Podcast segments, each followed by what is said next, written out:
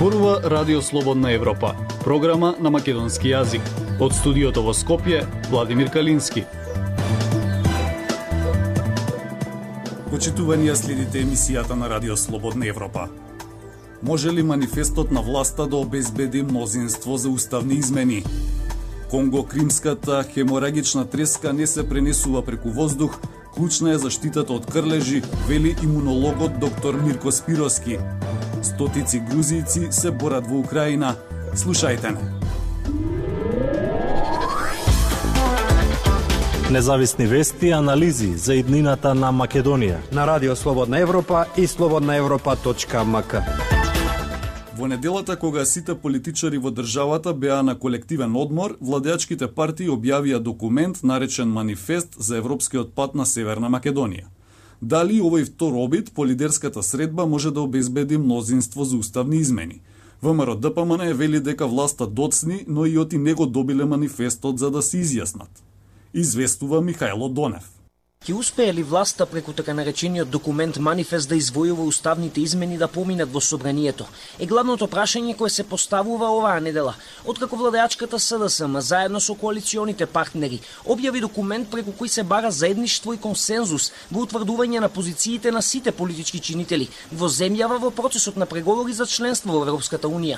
Сите 12 партии од владеачкото мнозинство се подписници на овој манифест, а како што тврдат од СДСМ, преку овој документ политичките партии во собранието, без разлика од составот на владеачкото мнозинство, се обврзуваат да соработуваат, но и да го водат преговорачкиот процес целосно отворено и транспарентно. Сепак, барем за сега, ниту овој манифест на владеачкото мнозинство не е доволен да го убеди ВМРО ДПМН да ги прифати уставните измени, но и ако опозицијата води негативна реторика кон овој манифест, сепак оттаму велат и дека тие се уште не го добиле манифестот и дека откако ќе го добијат, ќе се произнесат по него, додавајќи дека ако има нешто суштински, ќе биде разгледано и од партиските тела и органи.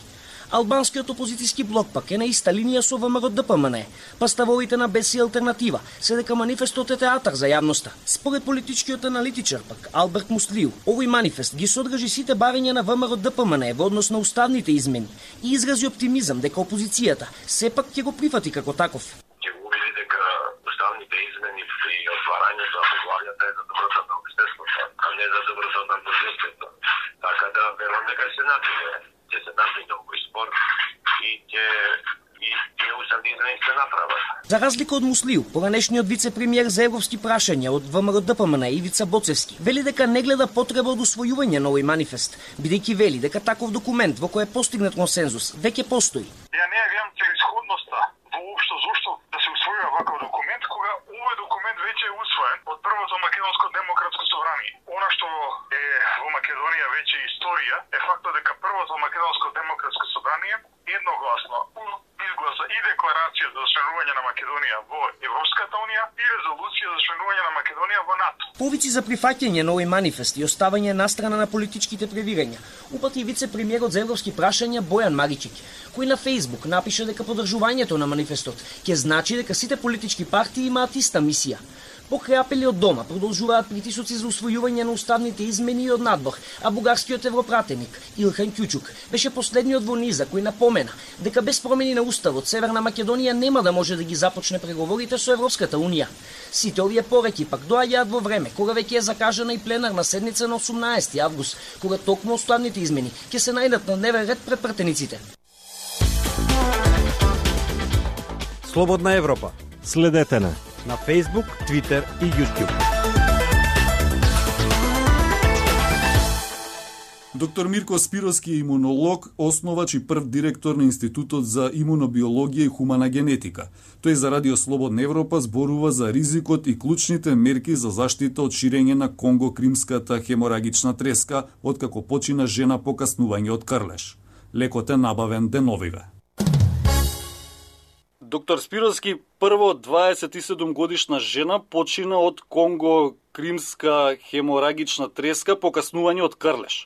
Сега е заразена болничарка на инфективна која лекувала починатата жена, а под здравствен надзор се 40 луѓе од превентивни причини, како што објави Државниот санитарен и здравствен инспекторат. Колкав е ризикот да се прошири заразната треска во моментов? Прво да кажам дека кај нас е многу ретко ова заболување и би кажал повремено или поединечно, поради што во Македонија не постојат кумулативни и објективни показатели каков е ризикот да се прошири заразната треска. Значи, кај нас тоа е поединечно случување. Кај нас не сме имале некое поголемо проширување. Но има земји во кои што оваа треска редовно се случува, тоа се дел од афричките земји, кои што имаат податоци, па и во далечниот исток, да речеме Пакистан, и така натаму, по кој што е правена анализа и од оние анализи кои што се објавени не е поголема од 8%. Значи, ризикот кој што би можел максимално да се очекува би бил некаде околу 8%. Кај нас тој веројатно е десетици пати помал, не е нити 0,8%, значи од 8% 0,8%. Значи, ризикот да кај нас се случи проширување од она што досега се случуваше, тој не ќе видиме, излесува 10 пати помалку од она што објавено во СЕМИ, каде каде што тоа се случува. Беше спомнато дека заразава не се пренесува преку преку воздух. Може ли да објасниме како се пренесува оваа треска од човек на човек? И кол, колкав е ризикот од пренесување? Колку лесно се се пренесува? Веројатно сите знаат бидејќи информирана јавноста дека основниот начин на пренесување на вирусот е преку каснување на крлежот на човекот и внесување на вирусите од крлежот во човековиот организам и таму се разнесува низ целото тело, се размножува и така станува запоне. Меѓутоа пренесувањето од човек на човек, нозокомијално, се врши само ако дојде друг човек во допир со телесните течности во кој што него го има. Во над 99% од случаите на земјата топка тоа се здравствените работници. Значи оние кои што доаѓаат во допир со лекувањето, односно накусо, било кој дел од телесните течности, а тоа е крв, тоа е плазма, тоа е плунка, тоа се некои други ткива евентуално, солзи може да бидат преносители од човек на човек. Друго ништо. Целосниот разговор со доктор Мирко Спировски можете да го прочитате на нашата веб страница slobodnaevropa.mk. Радио Слободна Европа, светот на Македонија. На само 13 години пакистанецот Алириза Куреши станал мигрант. Заминал од дома без документи и без родители со намера да стигне во Германија. По неколку неуспешни обиди стигнал до Северна Македонија каде живее веќе 5 години. Овде нашол работа и љубов. Прилог на Емилија Бунтеска Нацоска. Половина живот го поминал како мигрант, откако како 13 годишно момче заминал од родниот Пакистан. 25 годишниот Али Раза Куреши, кого пријателите го нарекуваат Али, веќе 5 години живее во Скопје и добил дозвола за привремен престој во земјава поради хуманитарни причини. Побарал азил во Северна Македонија, но не добил бидејќи не докажал оправдан страф од прогон од земјата на потекло. Се сеќава на долгиот мигрантски пат. Имавме во групата негде 50 души, со Крумча.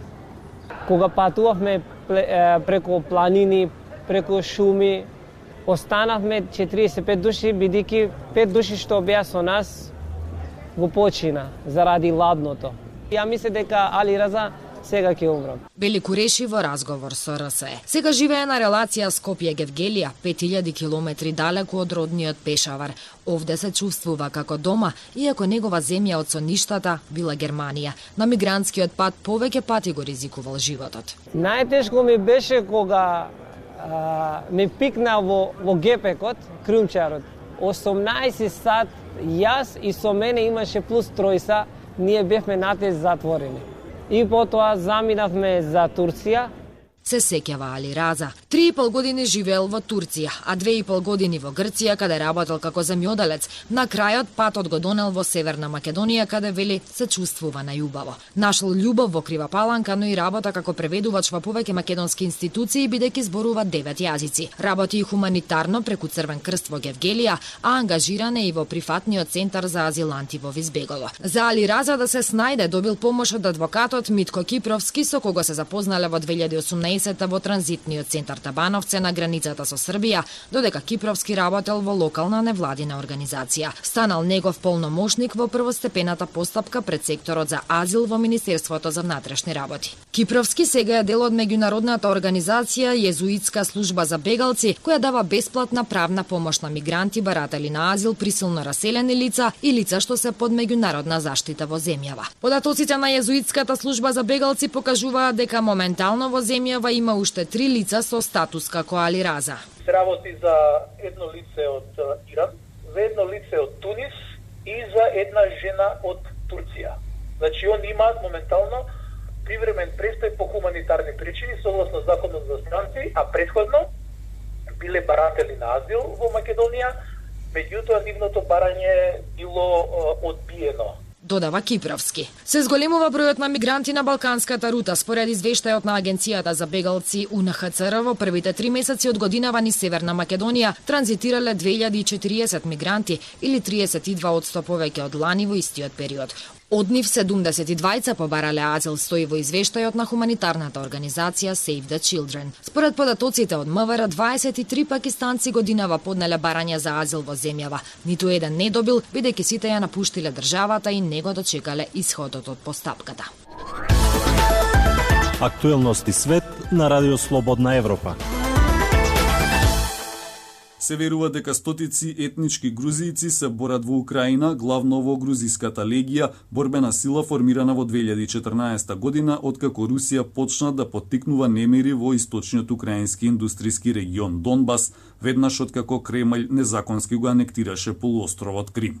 Марија Тумановска Давид Ратијани погледна нагоре додека руски воен авион зуеше низ грузиското небо, стискајќи ја тупаницата со таков без што ноктите му се вкопаа во кожата. Никогаш нема да го заборавам чувството на немок што ме обзеде во тој момент. Се сеќава Јаша Швијашвили како нејзиниот сопруг во еден од ретките моменти и ги раскажал деталите од своето искуство за време на кратката војна на Грузија со Русија во 2008 година. Во војната која избувна во сепаратистичките региони Јужно Осетија и Абхазија загинаа повеќе од 200 војници, 300 цивили и илјадници раселени, додека двете територии останаа во состојба на замрзнат конфликт. Многу грузици кои се бореа тогаш отпатуваа во Украина за да земат оружје на страната на силите на Киев.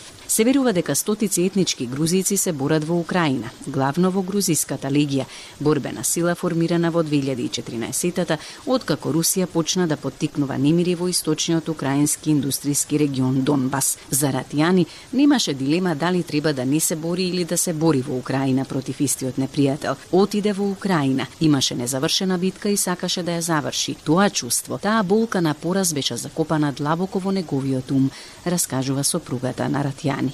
Во 2008 година Ратијани, кој беше во грузиската армија, бил брзо распореден откако избувраа непријателствата со русите.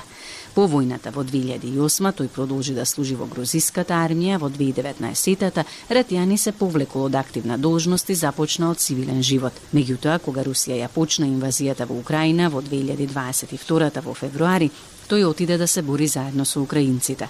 Тоа беше неговата последна битка. На 18 март 53 годишниот Ратијани беше убиен наводно од руски воен минофрлачки оган на линијата на фронтот во градот Ирпин. На 7 август 2008 година пак во 4 часот наутро, кога автор Уруа бил повикан и му било наредено да се јави во базата, тој на својата 20 годишна сопруга Елмира Инабишвили и рекол, што и да се случи, се додека сум жив, нема да го исклучам телефонот. До 8 август бев во контакт со авто. Ми рече дека се е во ред, но на 8 август изгубив контакт со него. Бидејќи ми кажа дека никогаш нема да го исклучи телефонот, мислев дека умрел, раскажува неговата сопруга за Радио Слободна Европа. За време на петдневните борби, таа немала информации за судбината на сопругот, но тогаш на шестиот ден од војната, телефонот задзвонел. Жив сум. И наеднаш сите стравови исчезнаа. Најглавно беше што тој беше жив, раскажува сопругата. Руруа исцрпен се враќа во своето семејство. Авто не можеше да и прости на Русија за августовската војна, ги загуби роднините и пријателите и затоа замина во Украина. Кога одеше, синот Александар го праша зошто одиш? Ти си грузиеца, војната е во Украина, нели?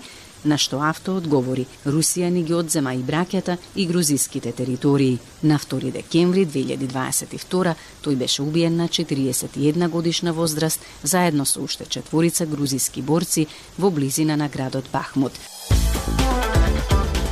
Почитувани слушатели, тоа е се што ви подготвивме во оваа емисија. Од студиото во Скопје ве поздравуваат Владимир Калински и Дејан Балаловски.